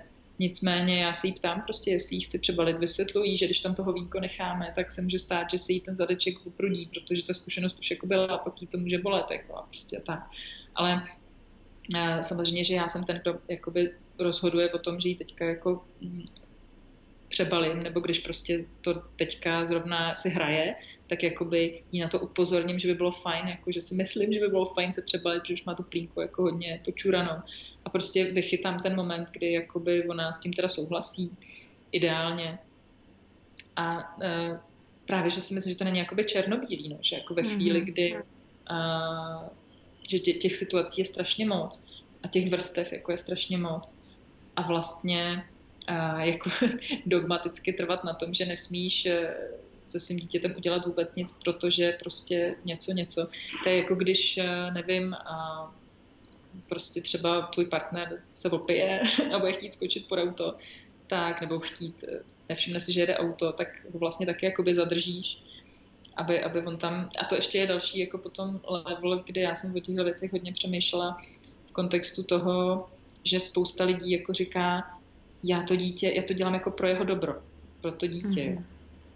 A mně tohle vlastně přijde jako, že se tím dá omluvit úplně všecko. Že jako já dělám to nejlepší, co můžu a dělám to pro jeho dobro. A tím vlastně můžeš omluvit úplně všecko. Já ho mlátím, protože chci, aby měl, eh, nevím, tyhle návyky nebo prostě něco takového. Já ho nutím k tomu, aby něco. Prostě mně přijde důležitý si uvědomit, že v první řadě cokoliv, co děláme, děláme pro sebe. Já to dítě nenechám vyhnout do silnice proto, že já bych trpěla, kdyby ono se zabilo. No samozřejmě, ono by, ale ono už by bylo mrtvý a, a už by mu to, už by asi třeba netrpělo, že jo. A nebo samozřejmě by bylo třeba zraněný a pak by jako trpělo v té nemocnici a tak dál, což je samozřejmě taky jako vrstva v tom, jako proč to děláš, ale primárně si myslím, že je dobrý se jako vracet k tomu a uvědomovat si, že tam je obrovská část toho, že ty věci děláme kvůli sobě. Někoho zachráníš, aby neběh do silnice, protože ty se nechceš dívat na to, ty nechceš být zodpovědná za to, že ten člověk umře, nebo že se mu něco stane. Hmm. A vyčítat Ale... si to pak. A vyčítat si to třeba, no. Hmm. Jakože nedokážu říct, jak velký procento z toho samozřejmě v tom je, ale myslím si, že je dobrý se prostě si uvědomovat i tuhle, tenhle aspekt a tuhle stránku věci, protože to může pomoct tomu, a, tomu vztahu s dětma a tomu, jak se k ním chováme a tomu, jako, jak se k ním chceme chovat a uvědomovat si, proč to děláme a ale ono vlastně... to, ono to podle mě funguje i v obrácení, protože třeba ten příklad s tím přebalováním, tam jako u mě se to hrozně zlomilo na tom, že já jsem si tam uvědomila třeba i nějakou svoji hranici, že vlastně jo, jako jasně, ty chceš prostě být v pokaděný plíně, na druhou stranu já jsem ta, která tě z té plíny pak musí jako vyndat a přebalit. Takže se to bude řídit nejenom podle tebe, ale i podle mě, protože já prostě jako nechci se pak potýkat s bobkem rozmatlaným až za krkem. Ale jo prostě jako s něčím, co jsem ještě schopná zvládnout bez toho, aniž bych z toho měla nějakou psychickou újmu, jako jo. A, no a, a to... Je, no, no, no, no. Tři další věc je, že přesně, že když se něco stane, tak to budu muset řešit já. Když ona bude mít opruzený zadeček, tak bude se chtít furt kojit a bude mi furt cucat ty prsa a bude, budu to muset řešit já. Takže přesně jak říkáš, no to je další věc, kterou jsme nezmínili, že prostě tam jsou hranice jako tvoje a těch, těch lidí jako okolo. A že každý, když si jako hlídáte svoje hranice, tak vlastně všichni můžou být v pohodě a není potřeba nastavovat hranice nikomu jinému, ani těm dětem. Protože oni mají nějaké svoje hranice, které se jako ošahávají a, a a vlastně jako zkoušejí si prostě kam, co a jak a narážejí na hranice těch ostatních lidí, ale není potřeba jako my, aby jsme jim zvnějšku něco určovali, nějaký jejich hranice. Prostě stačí, když se budeme hlídat ty svoje a ať si ostatní lidi, ať si hlídají svoje, že jo, a tak dál. A to je ale včetně toho, že třeba tady jsme teď prostě v hotelu, v restauraci a když Astrid poleze nějakým cizím lidem jako do jídla, tak eh, to neznamená, že ji nechám, aby ty ostatní lidi se hlídali své hranice, ale moje hranice je, že já prostě nechci, aby ty lidi byli naštvaní na mě, že já se nebo hlídám dítě prostě, takže jdu a jakoby uh, s tím něco dělám, že jo. Takže myslím, že ty, třeba to, to téma hranice je taky obrovský a široký a že je to hrozně blbě, nebo blbě, hrozně jako chápaný mm, jinak, než, než si myslím, že to jako je. Že vlastně eh, lidi to vnímají jako něco, že musíš nastavovat hranice tomu dítěti a že vlastně hlídat si svoje hranice jenom, že je jako sobecký a myslím, že to je jenom špatně vlastně pochopený to téma hranic. No. Jo, no, ono vlastně, my máme ten hrozně těžký úkol, že aniž bychom právě měli možnost si ty hranice sami zdravě nastavit během toho dětství, tak se to teďka vlastně učíme za pochodu s těma dětma, že jo. A, a o, to je to, o to je to těžší, protože to dítě samozřejmě na ty čudlíky ne, že by je mačkalo, ono na ně skáče prostě z 30 metrový vejšky, že jo, a my, my si vlastně, já to jako vidím furt na sobě, jak si za pochodu právě furt uh, uvědomuju, jako co ještě jo, co ještě ne, kam vlastně ještě jako může zajít a že jí třeba i právě často nechám zajít někam a pak si uvědomím, tyjo, tohle to bylo hrozně špatně, vlastně to, jako v tom jsem se cítila strašně blbě a přesně příště se jí třeba snažím říct, hele, já vím, že minule jsme to dělali takhle, ale jako ne, prostě já se v tom necítím dobře a samozřejmě se setkáš s odporem a seřevem a, a tak, ale hold, já teda mám štěstí v tom, že já jsem taková jako krkavčí matka, jo, docela. Já prostě, když jdeme třeba ven, ona si chce vzít skútr, tak já jí říkám, hele, ale prostě poneseš si ho celou dobu, já ti ho nepotahnu do kopce, počítej s tím a když pak dole začne řvát, že chce, abych jí to vzala, tak já jí ho prostě nevemu. Jo? Já jí prostě řeknu, hele, buď ho tady můžeš nechat, jako zítra tady bude nebo nebude, to nevíme, to, to uvidíme, nebo na něm pojedeš dál, ale prostě připravila jsem tě na to, tak uh, hor, mar, marná sláva. Já jsem v tom jako nekompromisní, že jako můj vlastní komfort je mi často prostě důležitější než... Eh, no, nevím, spousta lidí to asi, to asi vnímá spíš jako, že, že prostě, eh, že jsem, že jsem krkavec právě. Ale, takže jako přirozeně asi jsem v tomhle tom nastavená, takže se nenechám jako v těch věcech úplně ohnout, uh, kam bych nechtěla, ale i tak to pořád prostě cítím, jak si ty věci ohmatávám a vlastně jenom díky ní jako. Hmm. No mě ještě napadlo, že vlastně často to, že dospělí si neumějí právě ty svoje hranice nastavit a hlídat, tak eh, se potom vydává eh, jako vydává za to, že nefunguje jakoby ta uh, svobodná výchova nebo, nebo prostě tenhle ten přístup dětem. Ale přitom hm, já mám třeba jednu kamarádku, nebo už bývalou, kdy to bylo jako fakt jako moc hezky vidět, že vlastně ona jako byla, ona je taková hrozně hodná a taková jako právě, že si nedokáže ty svoje hranice jako udržet a má jako dítě jedináčka a fakt eh, ten jejich vztah byl, byl od malička hodně silná osobnost, to dítě. A fakt ji jako převálcoval postupně. A, a ona byla opravdu v tom nešťastná v tom vztahu a nedokázala si vytýčit opravdu a udržet ty svoje hranice. A pak samozřejmě celý okolí, jako všichni to ještě navíc dávali sežrat, místo aby nějak jako podpořili v tom, aby ona dokázala pracovat sama se sebou, tak kritizovali jí, že to prostě dopustila, kritizovali to dítě, že prostě to dítě za to může, dítě nemůže nikdy za nic, jako vždycky za to můžou rodiče, prostě to dítě dělá jenom to, co mu ty ostatní jakoby dovolej, kam ho jako pustí, že. Ono se prostě jak míček jako pohybuje v tom světě od jedných hranic jako k jiným. A kdyby si každý hlídal ty své hranice, tak to dítě naprosto přirozeně jako si utvoří svoje a zjistí, co jako je možný v této společnosti a co není. Ať už to je jako někomu připadá drsný nebo, nebo nevím jaký, ale prostě takhle to jako je. Stačí se na ty přírodní národy, že jo. Prostě to nějak jako funguje a, a jakoby uh, a funguje. No ale vlastně tady právě se stalo to, že jakoby vlastně ten vztah byl hodně jako tím poznamenaný a jakoby a vlastně se vinilo jako buď to dítě, anebo se vinila ta výchova jako takzvaně liberální nebo já nevím jaká, svobodná. Ale ve skutečnosti je to o tom, že ten rodič prostě nemá možnost, nemá třeba podporu jako v tom, aby dokázal pracovat sám na sobě, protože to si myslím, že je úplně nejdůležitější jako na celý prostě svobodný výchově nebo na tom, o čem se teďka bavíme, jako na celém tom prostě od začátku do konce je nejdůležitější práce na sobě. To prostě děti jsou v pohodě a budou v pohodě, protože oni dě, přesně fungují jenom tam, kde my je jakoby nemůžou nás jako převálcovat tam, kde my se jakoby nenecháme, že?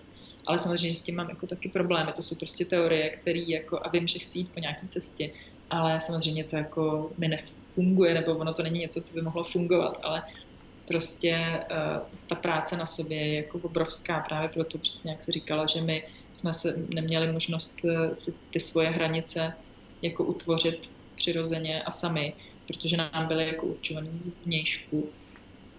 A je to jako veliká, dlouhá cesta, asi nekonečná. Jako. Hele, a jaký ty máš třeba nějaký, jestli vůbec nějaký máš jako strach, eh, který se ti pořád vrací nebo nějakým způsobem opakuje v tom vztahu právě, který máš se svýma dětma. Máš něco takového, nějaký jako téma nebo... Milion, no. no já jsem hodně člověk a to je jako moje velký téma a furt jako si na tom pracuju, no. Jako mám strachu strašně moc ale třeba už nemám vlastně vůbec žádný strachy, co se týče toho vzdělávání. Jakože, uh, protože Lucence už je 12 a čím je starší, tím víc vidím, že je naprosto v pohodě a že prostě bude dělat to, co bude potřeba, to, co jí bude dávat smysl. Vidím, že uh, přestože nikdy nechodila do školy, nikdy jí nikdo nic neučil v životě, ne, jo, možná dvakrát za život viděla nějakou učebnici jako z rychlíku, nikdy prostě jsme nedělali nic školního, nikdy jsme nevyplňovali žádný sešity, nic takového.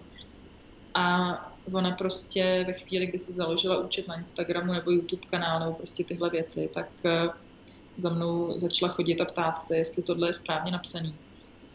Třeba jo, ale ani to není jako pro mě důkazem, že to je v pohodě nebo cílem jakoby toho. A cílem pro mě je, že ona bude v pohodě, šťastná, spokojená, že se naučí to, co potřebuje, to, co jí bude dávat smysl a to vidím, že se stane. Tohle vlastně, nevím, nějaká gramatika nebo to, že za mnou se přišla ptát na něco, tak je jenom pro mě projevem toho, že to, co jí dává smysl, tak eh, se prostě najde a, a je schopná hm, jako k tomu nějak dojít. A ona má kamarádku, vlastně nejlepší kámošku, má holčičku nebo slečnu, která chodí do školy, takže teďka, nevím, v sedmý nebo v šestý třídě a vlastně uh, vidím, že na Instagramu, že dělají úplně stejný gramatický chyby, nebo respektive Lucenka už teď nedělá skoro žádný, protože vlastně jí to jako dává smysl, tak, aby, aby psala jakoby správně podle pravidel, takže se to jako řeší. No a na tom právě vidím jako ten obrovskou, obrovskou ztrátu času, jako ty její kámošky, co chodí do té školy, tak vlastně jako nejsou vůbec, vůbec jako nejsou někde jinde než ona. Hmm. Uh, většinou těch věcí stejně jako děti zapomenou, že jo, pamatuju se do toho testu, kde je takzvaně jako vyblejou, že jo, na papír a, a pak je se zapomenou, protože už tam musí jít spát nějaký zase další věci. A takže tenhle jako strach jsem samozřejmě mývala. Myslím si, že to taková trošku sinusoida, že vlastně na začátku to dítě, když je jako malý hodně, tak tak vidíš, že vlastně je v pohodě, že nemáš tam žádný tlak jako zvnějšku, nemáš to srovnání, že prostě tady to tříletý dítě už umí něco a teď, no, i když některý rodiče, no, jo, vy. No právě, i když jako i ale, tak právě, jo.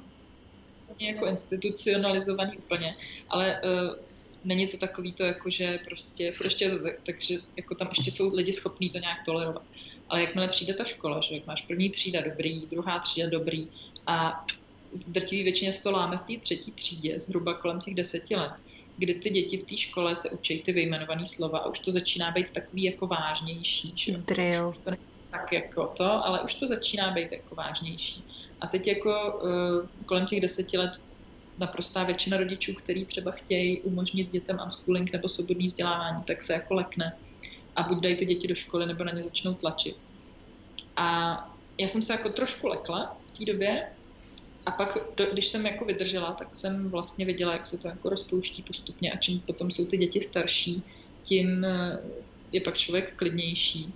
A slyším, slychám to právě i od těch ostatních rodičů, co s nimi dělám ty rozhovory, tak eh, pokud ty děti mají starší, tak eh, to říkají vlastně to samé, že vlastně se postupně i v těch třeba na anglických nějakých jako blozích nebo, nebo kde ty lidi fakt mají už ty děti velký třeba a opravdu radikální unschoolery, tak ta zkušenost je, že prostě čím je starší, čím víc jako člověk vidí, že to dítě se o sebe postará, že je v pohodě, tak tím víc se tyhle ty strachy jako rozpouštějí. My teď uh, hodně řešíme jako různé věci s tou Astrid, že jaký je rok a půl prostě, tak, uh, tak uh, tam vlastně, ale to, to asi nejsou to asi nejsou strachy jako já jsem to, já jsem to možná myslela spíš ve smyslu um, té důvěry, kde máš mm-hmm. problém předat tu důvěru tomu dítěti a máš mm. pocit, že to musíš právě nějak jako řídit, korigovat, usměrňovat. No jasně, no to jsou jako eh, denně prostě několik eh, takovýchhle jako uvědomění mám právě s tím, s tou Astrid, protože je přesně ve věku, kdy jako všude šmejdí, je strašně akční, všude leze, jako všude všechno jako dělá, že jo. A nevím, chodí do sněhu, nebo butá, nebo, ne, nebo blečná a takovéhle věci. A to je úplně bezvadná, bezvadný trénink. Protože plus jako do toho, že ten její tatínek, ten Martin je takový pohodář a on mě hrozně moc pomáhá v tom si ty věci jako zpracovat. Se vždycky řeknu nakonec, no ale teď to přece je jedno, teď to vlastně není důležitý a teď jako o co jde. Takže já jsem spíš, jak jsem říkala, jako spíš jsem úzkostný člověk a dá mi to jako dost práce na sobě v tomhle směru pracovat. A, uh, ale jsou to jako fakt několikrát denně si myslím, že jsou, že, že jsou ty věci, kde jako si je uvědomuje, to taková nekonečná jako škola, no, pro mě.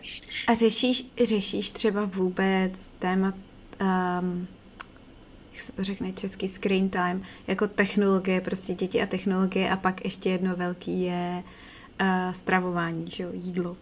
Že prostě mm. jako už si měla 50 zmrzlin za minulý týden, možná už bys tu 51 mít nemusela a podobně. Jo, jo, to jsou velký témata, no. Ty technologie, to samozřejmě řeš, nebo jako různě se s tím setkávám jako furt, že jo. Uh, u Dana a u Lucinky to už neřešíme vlastně vůbec, protože, no u Dana, nebo takhle, ty, nejste, ty starší děti se narodily do doby, kdy ještě jsme měli prostě, já nevím, tlačítkový telefon. To nebyl problém, jasně. No, no, no, teď s Astrid je to jiný, že jo, ta samozřejmě uh, telefony jí zajímají, teď my jako je běžně držíme v ruce, že jo, každý máme u sebe telefon, takže jako úplně přirozeně jí to zajímá a samozřejmě tam mám, tam mám jako strachy. To jako určitě jo a řeším to. Nicméně hm, nechci nikdy nic řešit nějakýma jako zákazama. Na druhou, spíš si jako hlídám ty svoje hranice zase. Je to, sorry, ale je to můj telefon. Jako. Takže když ho potřebuju nebo když se chci vzít já, tak se jako vemu. A je to, ona je ještě samozřejmě malinká, ale jako hodně s Lucinkou vlastně furt komunikujeme, takže furt o tom se jako bavíme a mluvili jsme, ale ona je, jako ty děti jsou jako mnohem zkušenější v těch věcech než my, takže spíš se snažím nestratit eh, tu jejich důvěru, aby oni jako se mnou mluvili o tom, co oni tam dělají nebo co oni jako prožívají. A spíš mnohem víc si myslím, že je to otázka toho vztahu mezi rodičem a dítětem, než a, a toho, že jako já vím, jaký vlastně pohromy jako může napáchat to, když to dítě se cítí odsuzovaný zahanbovaný od těch rodičů, nebo že cítí, že nemá tu důvěru.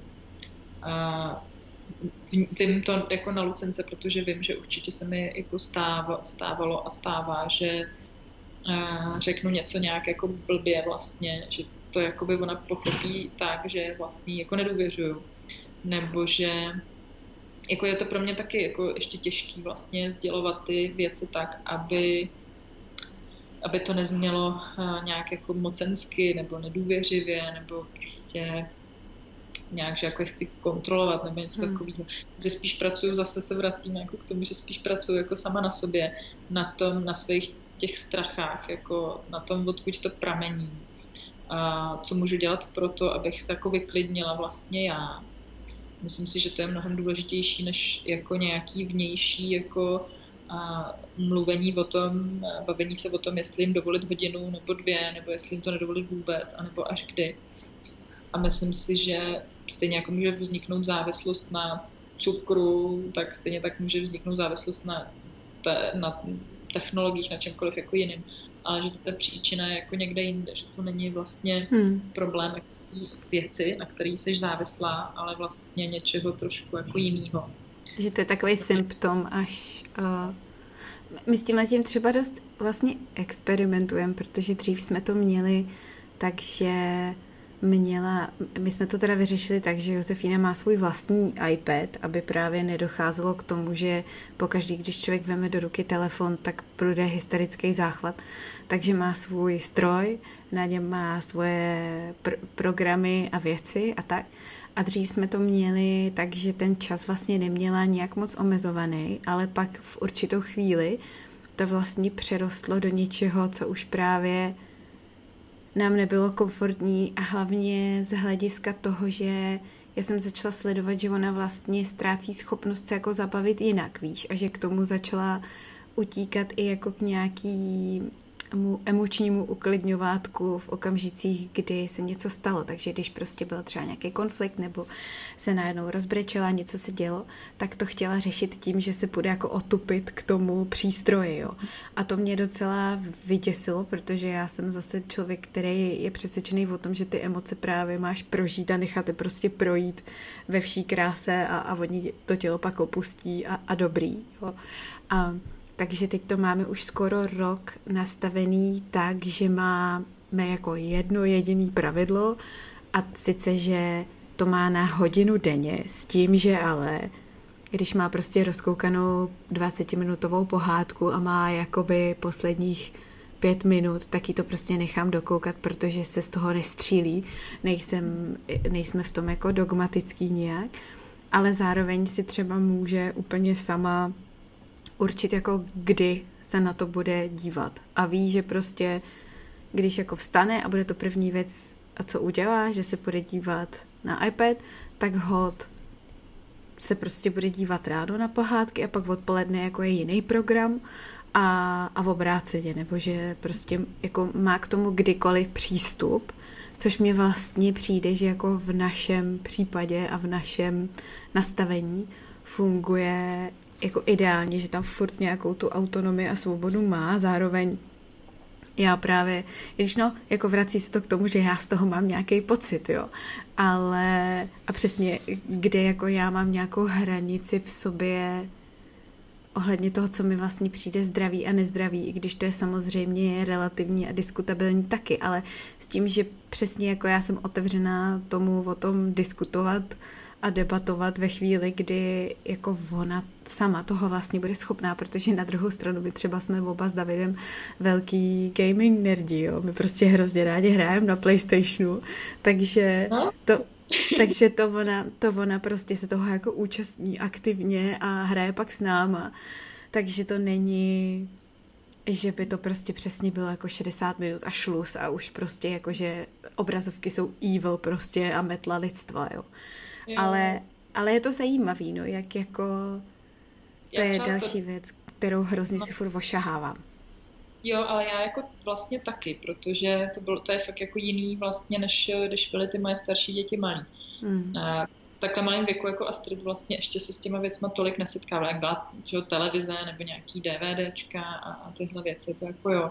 A to jsem, to, my jsme to jako nikdy neomezovali vlastně nijak já jsem, já bych měla v tomhle případě jako trošku vlastně strach z toho, že takový to zakázaný ovoce vlastně, nebo prostě to, že jako když to vlastně to dítě má jako omezený, Stejně jako kdybych eh, ho držela, prostě v žádném případě si nevezmeš čokoládu, protože prostě je jako nezdravá.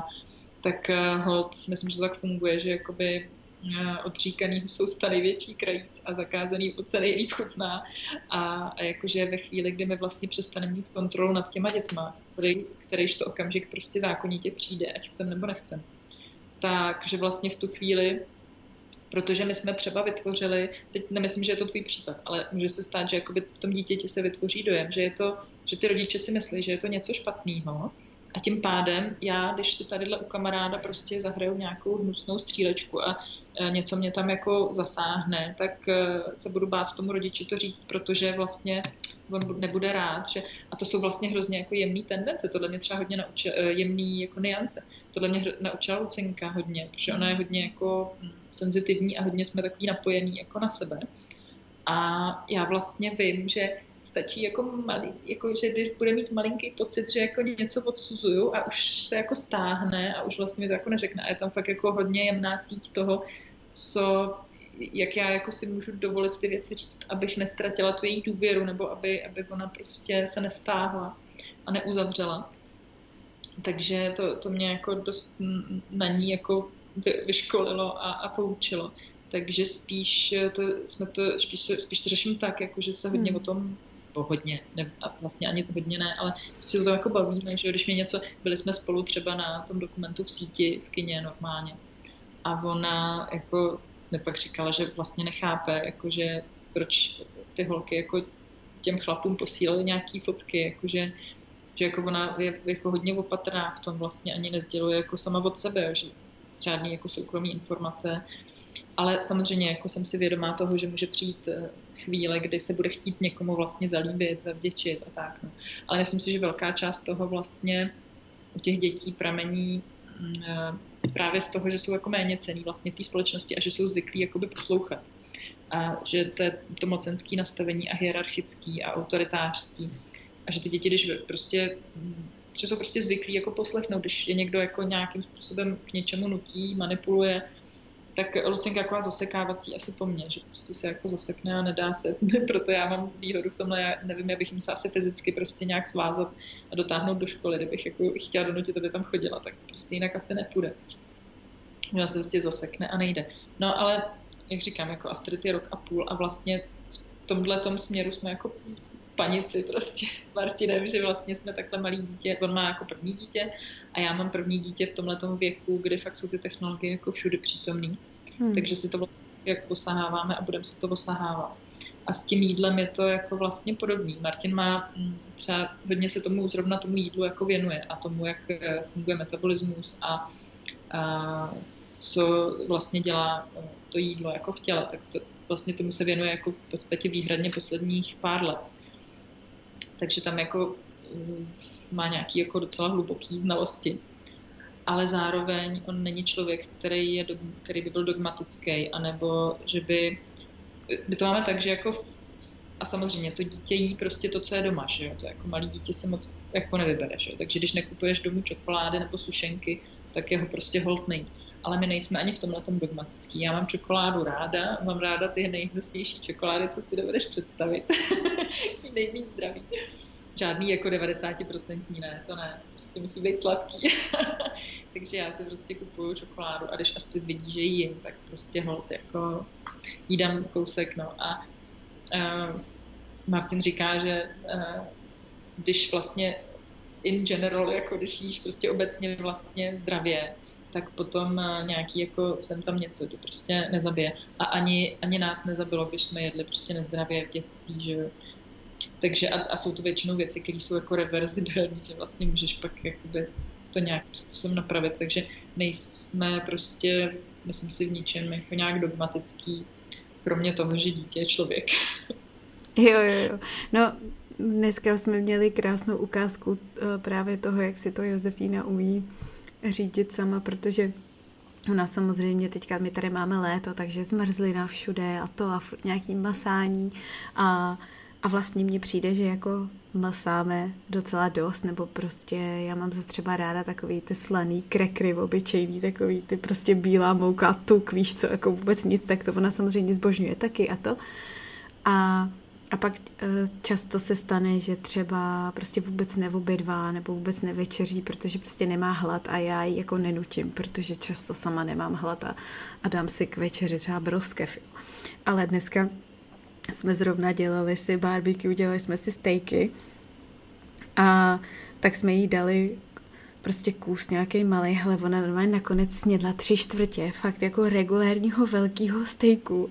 Fakt si to vychutnávala a ještě si to máčela v tom sádle, v té v tý omáčce z toho, víš, a jako věc, kterou já bych v životě si nemyslela, že, že bude jíst, tak se jí dělali boule za ušima, tak jsme se smáli, že všechny babičky by byly nadšený prostě, že tady Josefína má odchov eh, takovejhle. A, a to mě vždycky právě zpětně uklidní, nebo třeba brokolici, jo, z ničeho nic, prostě má období, kdy najednou miluje brokolici a, a prostě chce furt jíst brokolici a já jako nechápu, protože já třeba sama zrovna vůbec nemám na to chuť, jo, i když vím, že bych jako měla mít na to chuť. Takže nakonec se to vždycky nějak jako vyrovná a stejně mi přijde jako, že má různý období, kdy třeba mě víc potřebuje a je na mě taková víc přilepená a pak zase naopak mě posílá pryč ať si jdu dělat něco svýho a, a moc si ji nevšímám, tak to má i s tím jídlem, že má prostě v období, kdy jako do té zeleniny a masa do sebe cpe všema možnýma otvorama a, a jindy se toho zase nedotkne prostě, no. Já mám s Astrid úplně stejnou zkušenost, jako přesně jak to říkáš. No. Ona jednu dobu jedla strašně moc masa, jako, že to hrozně chutnalo, takže furt jako, my jsme hodně právě masoví, jako Martin v podstatě i teďka dělal nějaký experiment, že jako několik měsíců jedl jenom maso, jako skutečně jako karnivor, jako, že jenom maso. Ale všechny možný teda druhy masa, teda respektive v podstatě hlavně hovězí, ale jako veškerý třeba, já nevím, jazyk a takovýhle věci. Jako. No a Astrid jako fakt to maso jako chutnalo a to, ale teď třeba jako dlouho zase nějakou dobu maso jako nechce, ale je schopná sníst uh, prostě na posezení, nevím, skleničku kyselých okurek, anebo miluje olivy s česnekem uvnitř, jo. Takže a, a různý jako zkouší právě chutě taky a my jsme teda s ní zrovna uh, praktikovali, jako ono se mu říká BLV, a jakože, yeah. ale byla ale je to v podstatě jenom to, že normálně necháš dítě jíst to, co jíš ty, že takže ona prostě od malinka, první, co jsme jí dali, tak byla, nevím, asi kus okurky a pak dostala kus masa a prostě si takhle v půl roce žužlala maso. Pak jsme jí házeli kosti na zem různě a žužlávala kosti. A vlastně od začátku jí to, co jíme my. A vnímám jako obrovský rozdíl oproti těm starším dětem, že ona fakt je hodně jako zkouší nový chutě, vůbec jí nedělá problém, jak je, jakákoliv konzistence je opravdu jako experimentátor v jídle, na rozdíl od těch starších dětí, kdy Danovi jsme fakt jako dávali ty mixované, že jo, kašičky a prostě a večer eh, kašičku jako mléčnou a, a prostě skleničky a to, no. Tak, tak to Astrid jako ne, to, to hmm. prostě si vychutnává opravdu skutečné jídlo jako od začátku. Mm. To moje máma je vždycky u vytržení, když vidí, jak Josefína jí suši a syrovou rybu. Prostě úplně taky to do sebe cpe láduje. Takže ještě v tom českém kontextu, kdy ta ryba byla vždycky nějaký rybí prsty nebo nějaký prostě fakt hnus smražený, tak je to tak dneska už je to taky jinak, ale když my jsme byli děti, že jo, tak prostě kapr, jako to, to byl vždycky symbol toho největšího potrestání předtím, než přišly konečně ty dárky. Tak, tak to se vždycky nasměje. Hele, Zdeňko, já ti hrozně moc děkuji, abych s tebou mohla mluvit klidně ještě dvě hodiny, ale já si budu muset jít lehnout, protože já jinak budu úplně nepoužitelná zítra. Ten časový posun tady máme úplně pitomej teď. Každopádně ti moc děkuju. Já taky děkuji, bylo to moc příjemný povídání. Doufám, že jsem se moc nerozpovídala do šířky. ne, ne, tak to je účel tady. Uh, já vlastně ráda to pojímám tak jako, že vlastně celý důvod, proč ty podcasty dělám, je ten, že bych nejradši šla s těma lidma na kafe a prostě si povídala normálně. A tak tohle to je příležitost, jak to jako případně zprostředkovat ještě někomu jinému, koho by to zajímalo. No. Tak jo, tak eh, děkuju, měj se krásně a třeba zase někdy. Buď v Austrálii nebo tady. Zajdem na kafe. Tak jo, tak ahoj.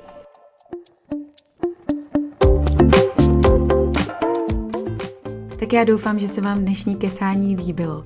Všechny informace o mém dnešním hostovi, včetně odkazů, najdete tady dole v popisku.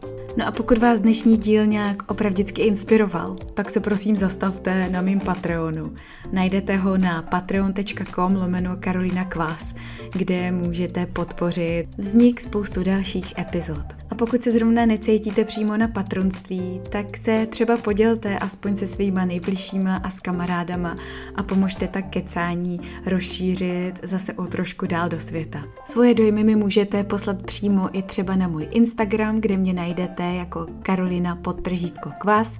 Já vaše zprávy strašně ráda čtu a už se na ně těším. Díky, že jste tady se mnou dneska byli a zase příště. Ahoj.